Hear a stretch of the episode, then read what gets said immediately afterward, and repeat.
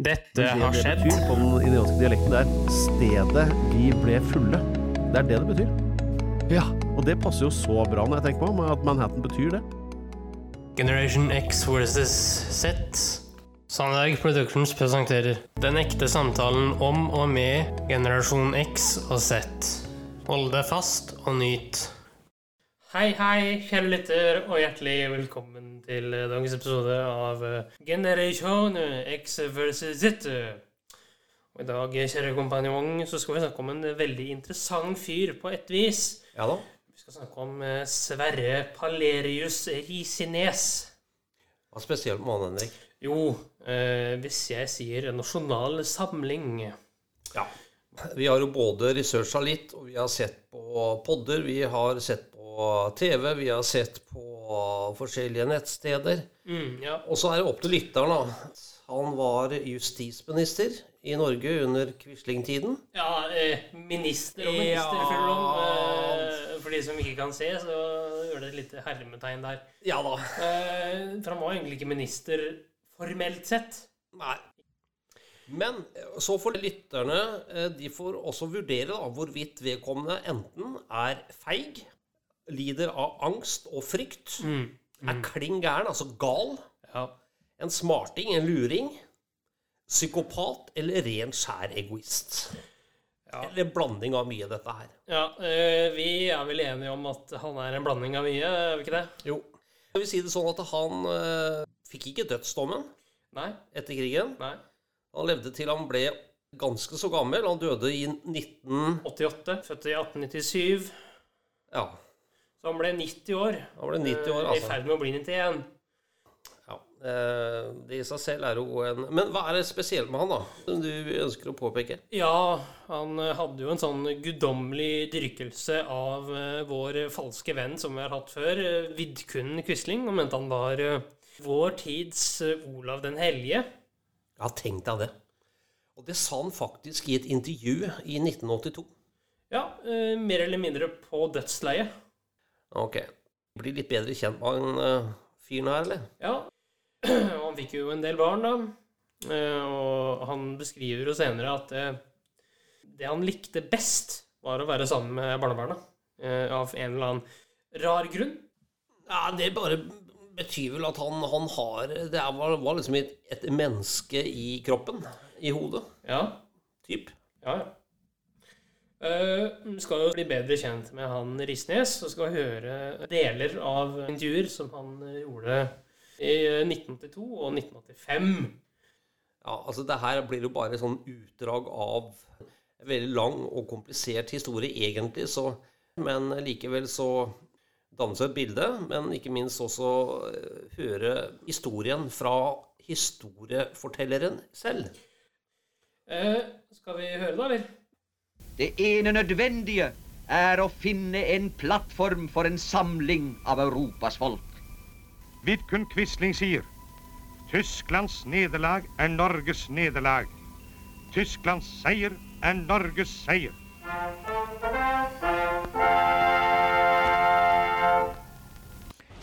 Hva er deres bakgrunn for å ville fortelle til vårt historiske arkiv fra deres meget utrolige Jo. interesse for vår norske historie da det gjaldt bl.a. opprettelsen av et riksråd, som det skulle hete. Disse forhandlingene strandet på at det fra tysk side, i forståelse med Quisling, ble krevet at sorenskriver Harbeck skulle erstattes av meg, som var medlem av NS. Vår historie ville vel blitt en annen om NS ikke hadde fremsatt dette krav. Da forhandlingene brast, valgte Quisling meg. Deres eh, syn på Vidkun Quisling? Ja. Mitt svar er at jeg kom i høy grad til å høyakte og beundre Quisling, også for hans personlige hederlighet. Og etter det som siden har hendt, ser jeg ham som en av de store, tragiske skikkelsene i Norges historie. Han kan, ettersom tiden går, komme til å bli sammenlignet med bl.a. Olav Haraldsson, kalt Den hellige, og Olav Tryggvason. Begge bar i seg Norges fremtid da de falt. Også de falt mot en fiendeflokk som mest bestod av deres egne landsmenn. Det nasjonale miljøet som de vokste opp i. Deres far hadde jo Ja, var det ikke slik at da første verdenskrig brøt ut, så sa han at nå begynte vår stammes kamp? Jo, etter at vi hadde fått vite om krigserklæringen i 1914, gikk far en lang tur med sine to sønner. Jeg husker da at vi stanset og så utover fjorden fra Hove. Og så sier far, gutter, nå må vi huske at vår stamme står i kamp for livet. Han var tyskvennlig. Begge mine foreldre var For det første var de Det er jo formelig farlig å, å si nå. De var ultranasjonale. De var ivrige for nynorsk og i høy grad interessert i vårt lands forsvar. Min far holdt som regel 17. mai-talen i bygden. De begge deltok også i Noregs ungdomslags møter i bygden. Min mor var også med å samle inn penger for anskaffelse av mitraljøser. Hun hadde kjent og var begeistret for oberst Henrik Angel. Men som politiembetsmann så var de aldri aktiv i politikk. Nei, aldeles ikke.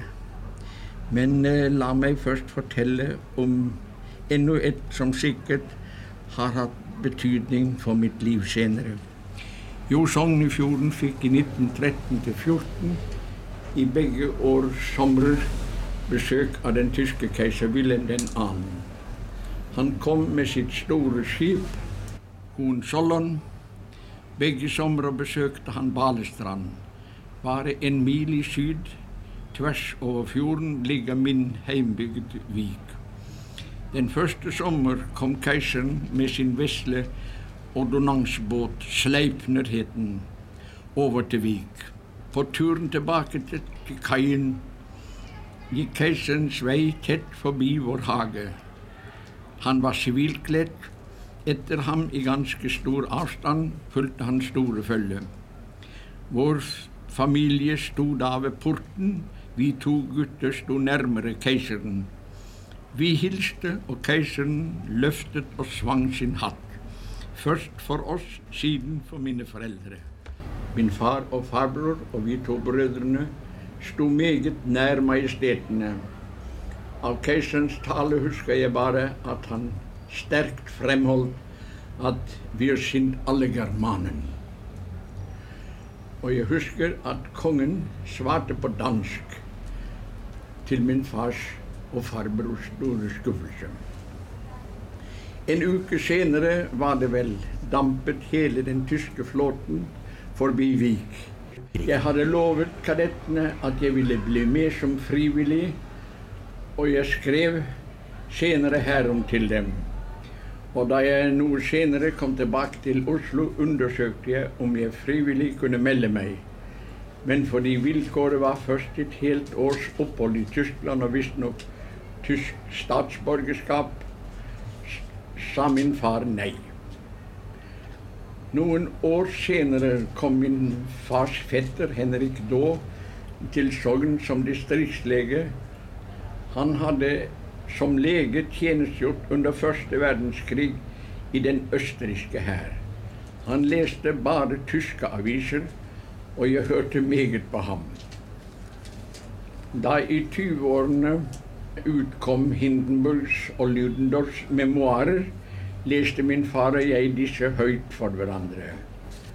Far ble også med da jeg i 1930 dro til Wien for å studere kriminalteknikk og politiets arbeid. Og jeg trodde at vi hadde nøytralitetsvernet vårt i orden. Ja, det trodde jeg. Så naiv var jeg. Jeg trodde det var som under forrige verdenskrig. Ja. Da var det jo i orden. Så det ble jo en, en voldsom skuffelse da. Det lyktes så lett for tyskerne uh, å, å komme. Det ble jo så å si ingen motstand før de sto i Oslo. Bortsett fra Oscarsborg, altså. Så eh, ble jeg like overrasket som dere da tyskerne kom. Og jeg syntes det var øh, forferdelig på en måte. Jeg forsøkte også og tenkte på da til øh, fronten her i Nordmarka, men det var jo Men øh, jeg, jeg øh, dro av sted, men så var det tyske vakter der oppe. øh, Jeg bodde ved Ullern. Og, øh, og så at det var tyske vakter som jeg eh, ikke syntes Som jeg ikke syntes jeg kunne komme forbi. Og så mm, Jeg forsøkte en, en, en, en natt, kan man si, å komme i, eh, i NM der. Men så hørte jeg de altså, at det var tyskere der. Ja, nok av det at eh, jeg gikk eh, på kontoret neste morgen. Og da var jeg, alene på kontoret. Og så ringte jeg opp til Riksadvokaten og spurte hva jeg skulle gjøre. Eh, For det er ingen her, sa jeg. Ikke damene var der. Og så gikk jeg hjemover. Og Men denne tyskvennligheten, altså Var det den som indirekte førte dem inn i Nasjonal Samling, da? Altså dette tyskvennlige holdningen som de alltid har hatt, var det den som førte dem inn i Nasjonal Samling? Min forståelse Ja. Ja, at jeg, jeg var jo Jeg var jo tyskvennlig eh, helt fra krigen begynte. Holdt jeg jo med Tysk, Tyskland. Som eh, min far. At jeg hørte i radio eh, Terboffens tale. Hvor han, han oppfordret oss til å vise eh, ansvar overfor eh, Norges skjebne. Og det syns jeg var en god tale. Eh, For eh, Og så For, for, for, for jeg, jeg syns det var riktig eh, nå at, eh, at det lå et stort ansvar på oss. Og så hørte jeg i føren tale, og det tror jeg var på en skole um, tror, uh, var i juni ennå. Og det gjorde også hans tale der. Det var første gang jeg hørte ham tale.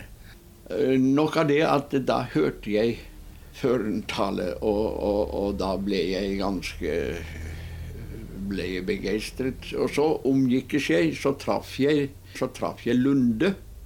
Og Lunde var det vel ja, som sa til meg eh, Oppfordret meg på det sterkeste til å bli med. Vi har vært barndomsvenner, eh, kan man si. Kjent hverandre fra barndommen av.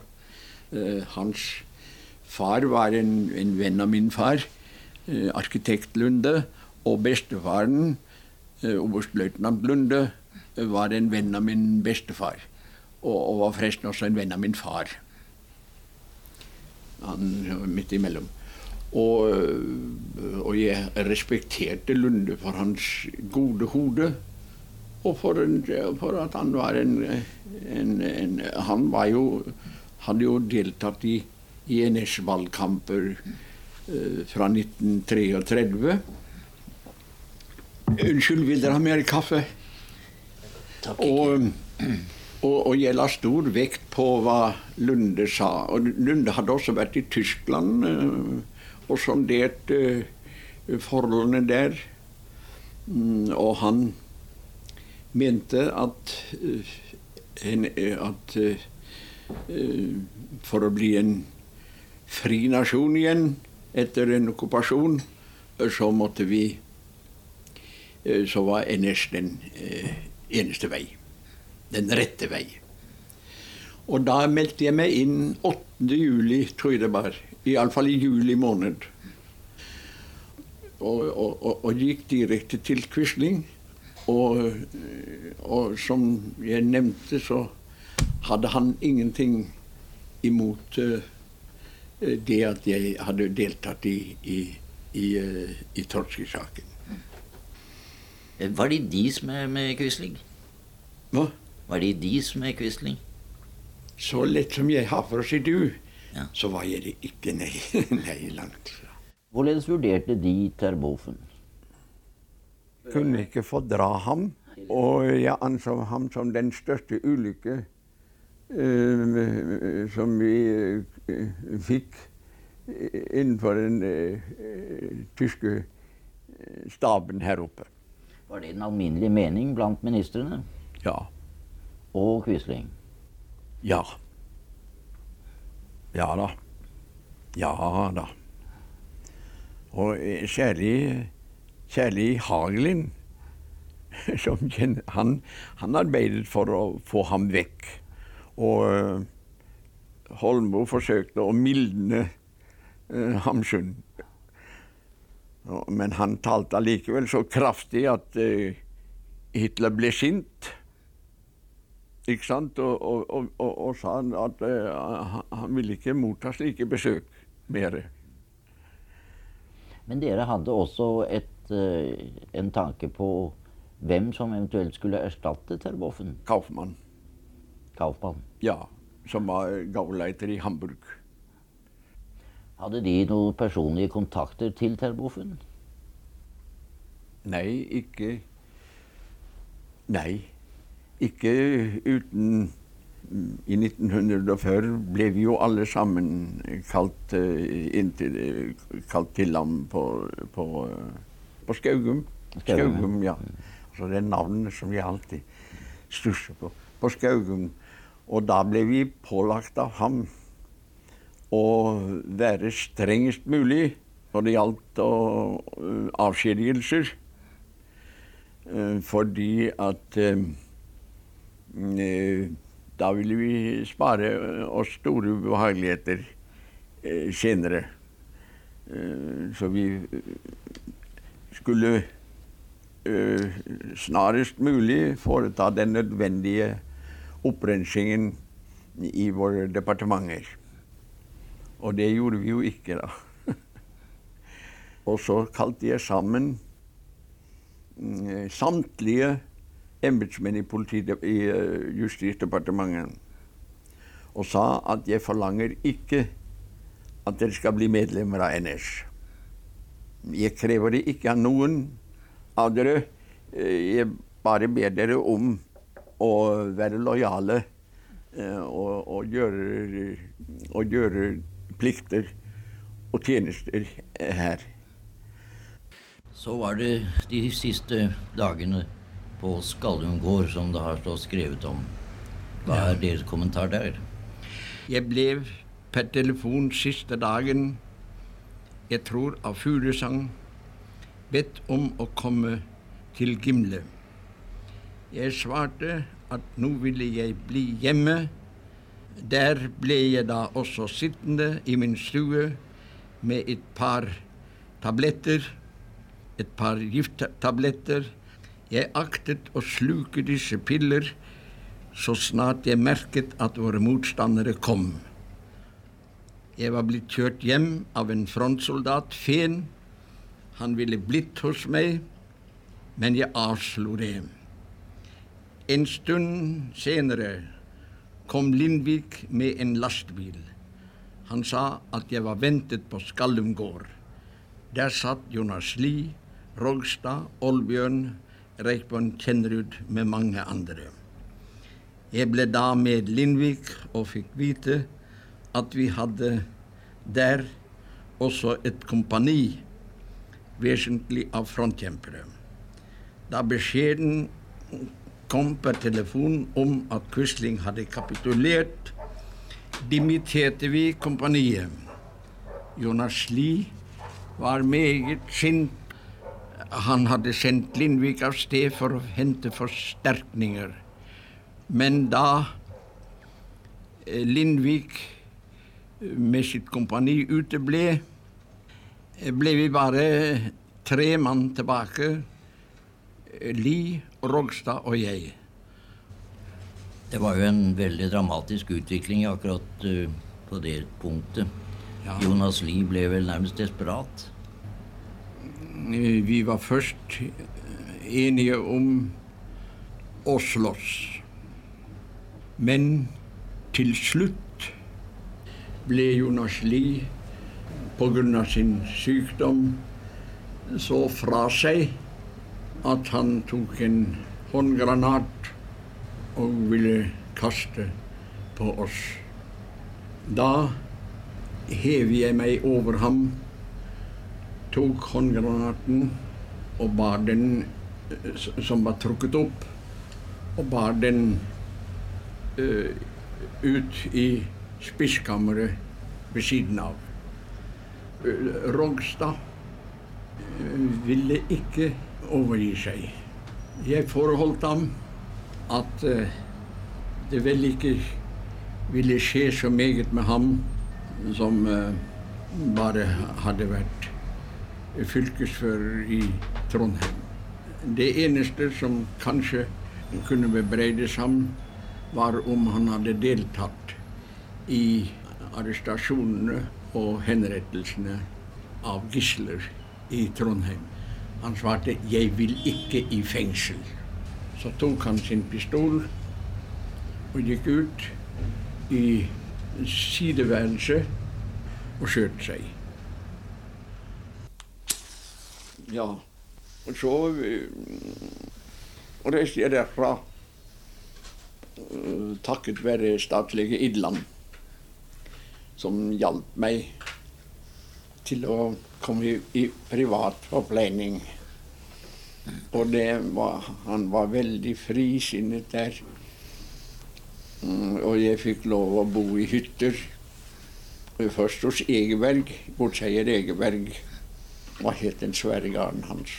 Ja, det er ikke Rent lite slott, det, oppe i Solør. Han var jo med. Og hans sønn var med. Jo, Egeberg var hyggelig mot meg, men jeg måtte arbeide, da. Det måtte jeg jo gjøre. Og det var vesentlig. Jeg bygget en mur, det hadde jeg jo gjort i, i, i, på, i, eh, på Reitjer også. At jeg bygget en mur og laget den forresten en jevnet ut, så jeg fikk en, en jordbærhage. Og, og det gjorde jeg der også. Det var vesentlig det jeg, jeg gjorde. Og så fisket jeg. Og, og, og han hadde et storartet uh, fiskevann. Han, eh, han eh, Egeberg, og så var han naturligvis litt engstelig for meg. Det var han som han anbrakte i nærheten, kanskje fordi han kanskje trodde jeg kanskje ville rømme og gjøre skandale. Iallfall anbrakte han en gammel skogsarbeider 100, i en koie 100 meter unna denne jakthytten hvor jeg, og fiskerhytten hvor jeg bodde i. Og det var deilige dager. ja. Hvor lå Ørnereiret? Var det flere hytter? Men øh, Ørnereiret, det var Nei da, det var bare det stedet hvor som Ånstad skaffet meg. Hva gjorde de egentlig på Sicilia? Der øh, studerte jeg i Sicilias historie, men spesielt altså eh, nordmannenes eh, ti- tidsrom. Så da var det eh, merkelig, vet ikke folk, øh, vel flest at Sicilia var litt av et sentrum i Europa en stund. Men de la hjemreisen fra Sicilia over Wien. Så ja, selvsagt, fordi jeg var jo da tilbudt av, av de av uh, Pauline og Walter å bo der i 72. Og det kunne jeg jo ikke ennå, fordi jeg hadde ikke pass i orden ennå. Og jeg husker vi diskuterte, for jeg ville gjerne ha min katt med. Fordi at jeg, jeg har alltid vært eh, hundemann. Men etter at jeg kom til Solør, til Ørnereiret, så eh, kunne jeg ikke ha hund der pga. Uh, naboforholdene. Massevis av sauer omkring, og rådyr. Og, og jeg ville ikke da vet, eh, vet jeg at det var jo min situasjon var jo litt vanskelig. Og, og, og skulle jeg da ha hund, og, det så skjedde en eh, ulykke på en sau eller en, eh, en rådyr, så eh, ville de eh, mistenke De ville være sikre på at det var hunden som hadde gjort det. Så eh, det var en stor savn for meg at jeg ikke mm, Hundepolitiet. Ja, hundepolitiet og privat. Ja. Ja, Ja. Eh, man blir jo forundra, Henrik. ja, ja, ja, det er klart. Uh, Ut ifra de utdragene som lytteren hørte nå, så eh, skjønner man jo fort eh, hvorfor han endte der han gjorde. Om liksom oppholdene hans på eh, disse klinikkene. Ja. Type Reitgjerdet, da. Eh, tror du det kan ha satt noen spor? Mm. Jeg tror de sporene han har fått, ligger eh, mye lenger tilbake i hans egen historie. Ja, Ja, men det har jo litt betydning òg, da. Fordi han ville jo gjøre ting eh, som innebar at han eh, fikk tilbake passet og stemmerett osv. Ja. Før saken ble forelda, og før han ble skrevet ut i hermetegn fra disse klinikkene. Ja, og så er det en del røster som påpeker muligheten, og store muligheter for at han eh, spilte et spill. Ja. Eh, det jeg hører da, når jeg hører han snakke, det er en gammel sånn oldefar.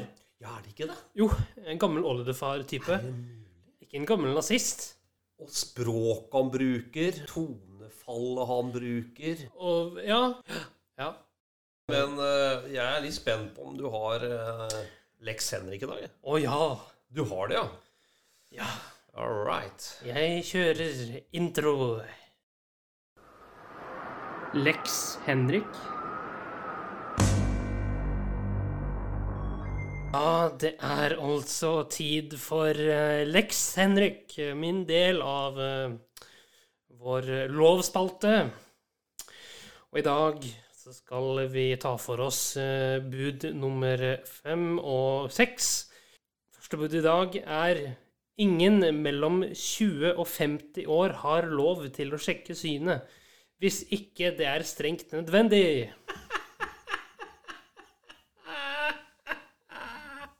Uh, ok. jeg, eh, jeg skjønner godt eh, regelen igjen. Det er fordi du har hatt eh, veldig dårlig erfaring sjøl, da. Ja, ikke bare det, men det er jo veldig mange barn, som, barn og unge som må benytte seg av uh, stygge briller. Og, og helsepersonellet klager jo så det synger per 2023. Uh, så det er liksom for å spare de, da. For det. Ok, Er det for å spare deg selv òg, eller? Ja.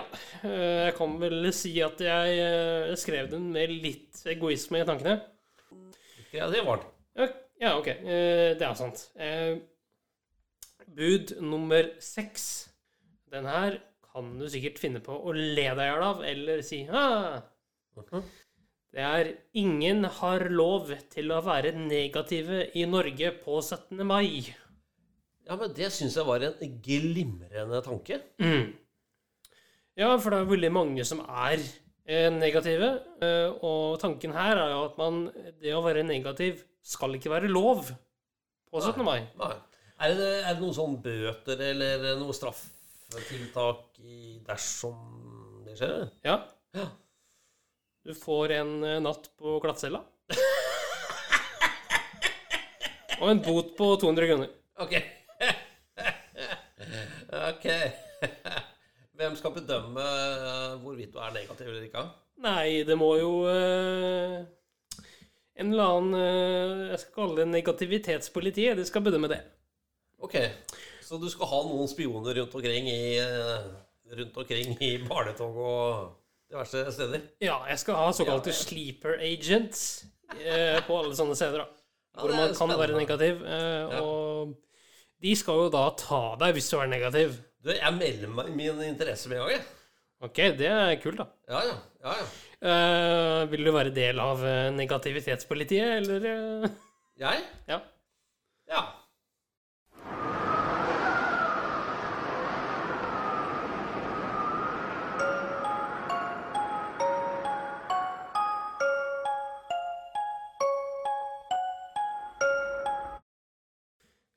Det var dagens episode. Ja. Hva tenker unge herren? Nei, jeg tenker det var en veldig uh, god samtale oss imellom, og uh, gode utdrag, da. Og vil gjerne ha innspill fra våre lyttere der ute om eventuelle temaer. Ja, og dette her kommer jo eh, av en melding jeg fikk av en lytter privat. Eh, hvor den lytteren da snakker om at hun vil høre om eh, mennesker som eh, forteller sannheten på dødsleiet. Ja, vi har jo toucha det i dag, på en, til en viss grad i hvert fall. Ja, vi har jo begynt pent. Ja. Tusen takk for nå, Henrik. Det har vært en fornøyelse atter en gang, altså. Jo, takk for nå. Vi høres igjen neste uke, kjære lytter. Tusen takk for at du fulgte oss. Eh, Gi gjerne tilbakemelding, likes eller kommentar på Facebook-siden vår Generation X versus Z. Velkommen igjen til neste podkastepisode. Hei då!